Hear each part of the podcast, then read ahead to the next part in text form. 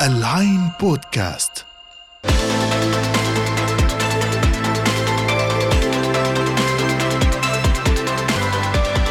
أهلا وسهلا فيكم في حلقة جديدة من بودكاست تكنولوجيا المفضل لديكم بصمة تك معكم يا شعشاعه وكالعاده إبراهيم ملص. إبراهيم شو أخبارك؟ هلا والله تمام. أنت اللي شو أخبارك؟ صوتك مبحوح شو والله يا جماعة صوتي مبحوح ف آه، ليش؟ ما, ما تستغربوا. كان عندي عرس صراحة آه. ومن قد ما غنينا وصرخنا ونجنينا بس آه. ألف مبروك للعريس وعبال العزابيه لكل. عم يسمعنا. آه خلينا نرجع الحلقة. نرجع الحلقة بالضبط. آه، الذكاء الاصطناعي أتى يا إبراهيم ليبقى. خلص أنا صرت متيقن من هذا الإشي. أكيد. آه، خصوصا باللي بنشوفه يوميا من برامج تطبيقات جديدة قاعدة بتطلع لدرجة إنه صرنا ما نلحق عليهم. آه هذا كله بيأكد لنا إنه المستقبل هو للذكاء الاصطناعي وال AI 100% إياد. وتأثير هذا التطور المتسارع للتكنولوجيا ال AI رح يغير من كل جوانب الحياة تقريبا. فكيف بيقدر البشر إنهم يتكيفوا مع شكل المستقبل اللي رح يعتمد بشكل أساسي على الذكاء الاصطناعي؟ هيدا اللي ضروري نسأله من اليوم ونفكر فيه.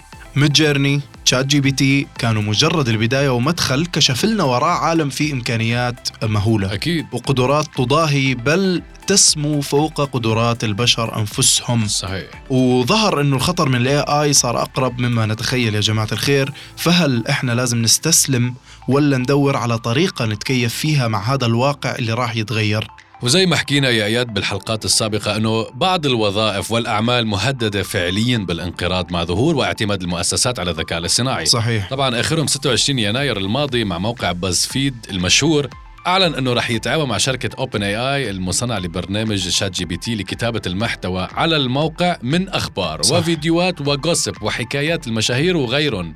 تعرف BuzzFeed يا اياد ولا؟ والله بعرفه صراحة بس مش من أشد المعجبين فيه. آه ولهيك بستغرب إنه من المفترض إنه صناعة المحتوى هاي بتحتاج ل creativity هذا. المفروض وإبداع. أعتقدنا إنها راح تكون حصرية بس للبشر. بس يبدو إنه إحنا كنا غلطانين والذكاء الاصطناعي ما راح يترك شيء إلا ويدخل فيه. مش بس صناعة المحتوى اللي بتشهد هذا التغيير.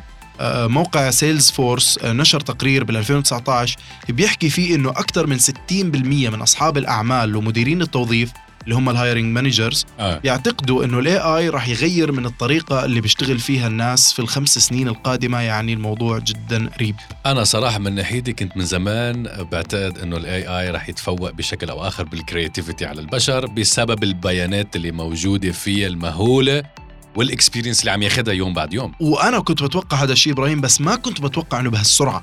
هون الفكرة. هذا الذكاء الصناعي يا رجل. طيب اورايت ولهيك بسبب هذا الموضوع اليوم نحن رح نتكلم عن مجموعة من المهارات اللي لابد إنك أنت تتعلمها حتى تتكيف وتنجو في المستقبل مع انتشار الذكاء الاصطناعي وتطبيقاته اللي رح تستبدل تقريبا كل الوظائف التقليدية. يلا نبلش بالحلقة؟ يلا نبلش في الحلقة ويا جماعة الحلقة هي معمولة عشان ما تقلقوا. أكيد. إحنا اليوم حنعطيكم شوية مهارات حتكون مفيدة جدا لتواكب هذه الموجة. معكم إبراهيم ملص ويا شعشاعه وهيدا بصمتك من العين بودكاست.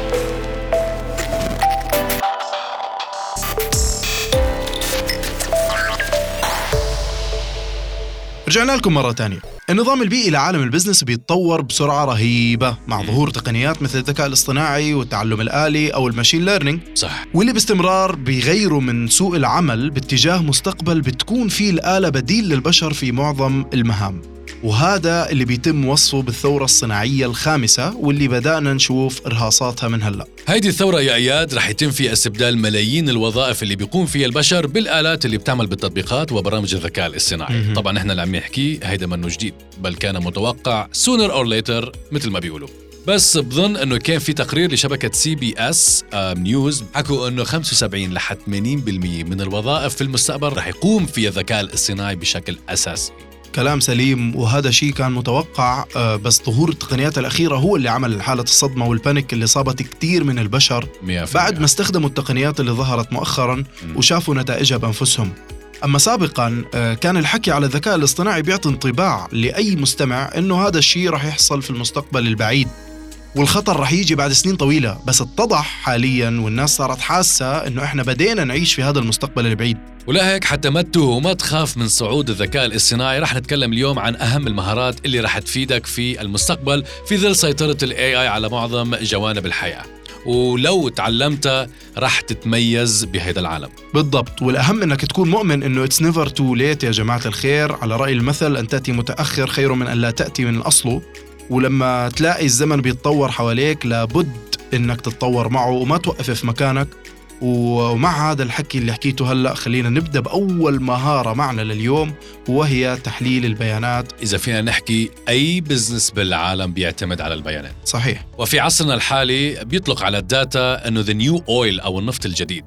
لهيك أي موظف بيمتلك قدرات تحليل البيانات وتوقع النتائج المستقبلية بناء على البيانات اللي بيكون عنده لتحسين عمليات الشركة أو المؤسسة اللي بيشتغل فيها رح يكون له أهمية كتير كتير كبيرة فوربس بتتوقع عوائد سوق ال big data رح تتخطى ال 100 مليار دولار في 2027 ولهيك هي واحدة من أهم الوظائف المستقبلية الصاعدة واللي رح يساعدك فيها ال AI صحيح ولكن مستحيل يستبدلك فيها تاني مهارة لابد أنك أنت تتعلمها هي ال coding أو كتابة الأكواد. مم. المستقبل يا جماعة رح يديروا الآلات، بس هيدي الآلات رح تحتاج مهندسين لكتابة الأوامر والكود تبعها.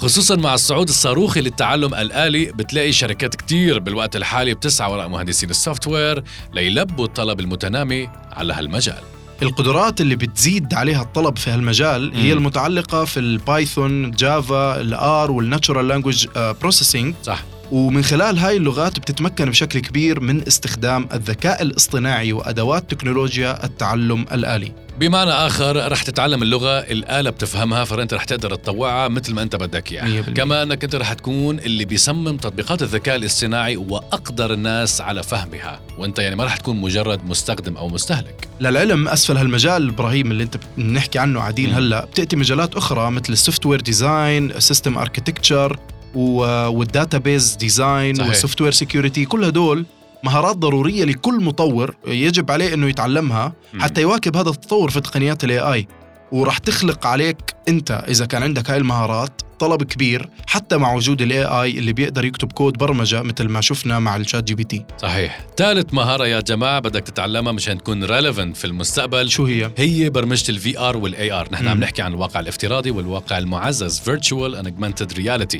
مهم. آه بعرف إنه الكل الكلام عن ال AI نسى كثير منا إنه معظم الشركات التكنولوجية الكبرى مثل فيسبوك ميتا وجوجل ومايكروسوفت بيستثمروا المليارات حتى يجعلوا تجربة المستخدمين على الإنترنت تكون قائمة على الواقع الافتراضي. الميتافيرس. وكان هذا هو الترند لشهور حتى جاء ال AI صحيح ومعظم هاي الشركات بتسعى لنسخ حرفيا عالمنا الواقعي أكيد. وترفعه على الإنترنت. وبهيك بتقدر من صالة بيتك إنك تستمتع بكل شيء بتقدر تعمله في الحقيقة من خلال الواقع الافتراضي. فلو كنت متخصص في ال VR أو ال AR أو ال UX اللي هي ال user experience. في المستقبل هو لك. رابع مهارة يا جماعة الخير أو في هذه الحالة مهارات. لابد أنك أنت تتعلمها لتصنع لنفسك مكان في عالم ال AI هو أو هي ما يعرف بال soft skills. هي واحدة من أهم الفروق بين البشر وبين الذكاء الاصطناعي لأنه البشر عنده القدرة على استخدام وتعلم ال soft skills واللي بتعتبر ضرورية لأي صناعة أو business أما ال AI فما بيقدر يتعلمها. طب ممكن المستمع يسأل شو هي ال soft skills هي عبارة عن مهارات مثل ال leadership القيادة العمل الجماعي. ال teamwork أو ال work ethics أخلاقيات العمل التواصل أو ال communication القدرة على حل النزاعات ال conflict resolution هاي المهارات ضرورية لأي عمل جماعي في أي مكان آه، كان. مهما كان التقدم التقني والتكنولوجي في أي صناعة أو مهما كانت مهارات الموظفين التخصصية عالية لن يحدث أي تطوير أو إنتاج حقيقي إلا بوجود ال soft skills لدى الموظفين واللي ما راح تلاقيها ابدا في ال AI أكيد. خامس مهارة رح تساعدك بالمستقبل هي القدرة على تطوير تطبيقات إنترنت الأشياء أو The Internet of Things. حاليا ظهرت وظيفة جديدة اسمها IoT Engineer ومع تطور الاتصالات وظهور الجيل الخامس. والسادس للمحمول وكل شيء بحياتنا صار مربوط ببعضه بيزيد الطلب على هذه التطبيقات ومصمميها. هذه المهارة بتشمل البرمجة وتصميم أنظمة الأمان والحوسبة السحابية أو cloud computing فلو صرت متخصص بال IoT رح تلاقي مكانك 100% مضمون بالمستقبل. فيا جماعة الخير أغلب الشغلات اللي حكيناها إذا كنتوا من آه، طلاب الجامعات مثلا ومحتارين شو تدخلوا تخصصات فالحلقة هاي أكيد كتير حتفيدكم. أكيد. تختاروا شيء من اللي حكيناه قبل. لأنه آه، مثل ما حكينا لازم تواكب موجة الذكاء الاصطناعي اللي منتشرة حاليا خصوصا كمان في تنافس كتير كبير على التخصصات الأخرى الأدبي والعلمي فهول التخصصات اللي عم نحكي عليهم تحديدا العلمي الذكاء الصناعي هيدا بعد تنافس فيه كتير قليل. فالاستثمار فيه إنه واحد يدرس فيه اليوم is the right time 100% وبالمناسبة آه، ما, ما إنه قاعدين بنحكي عن آخر التقنيات وغيرها ال ChatGPT إبراهيم سمعت أنت طبعا إنه أطلقوا أداة جديدة بتعمل بتعمل audit للنصوص اللي طالعة من ال ChatGPT نفسه. Exactly. وبتفيد هاي أظن في في الجامعات والمدارس. خصوصا و... أصلا هي عملت لحتى تورجي للدكاترة والمؤسسات التعليمية إنه هذا النص أو هذا المحتوى تم من ChatGPT وهيدي مشان آه، يعني هي حركة ضد حركة الناس انها هي تعمل plagiarism أو هي تخلي ChatGPT يعمل يعني بلشوا يحاولوا يعملوا control على إنه آه لأنه انتهى المفهوم التعليمي إذا عندك ChatGPT يحل لك المسائل ويحل لك كل شيء بثواني. شو ضل؟ معنا فشو ضل؟ فأكيد هيدي الحركة كانت صائبة وتحديدا بوقتها يعني. على كل حال هاي كانت حلقتنا لليوم. يا جماعة الخير أتمنى تكونوا استفدتوا منها. ما تنسوا تعملوا download للحلقة واعملوا لنا review لو عجبكم المعلومات والحكي اللي حكيناه. وخبرونا في التعليقات شو رأيكم آه، بخصوص الذكاء الاصطناعي. وبوجهة نظركم خبرونا شو المستقبل مخبي لنا ما بعرف بس خلينا نشوف. وقبل ما تسكروا أكيد ما تنسوا ال like وال share. كان معكم إبراهيم ملس وإياد شعشاعة. وما تنسوا تسمعونا على صفحتنا الخاصة في موقع العين dot com slash podcast. وعلى مختلف المنصات أبل بودكاست سبوتيفاي جوجل ديزر أنغامي وساوند كلاود سلام.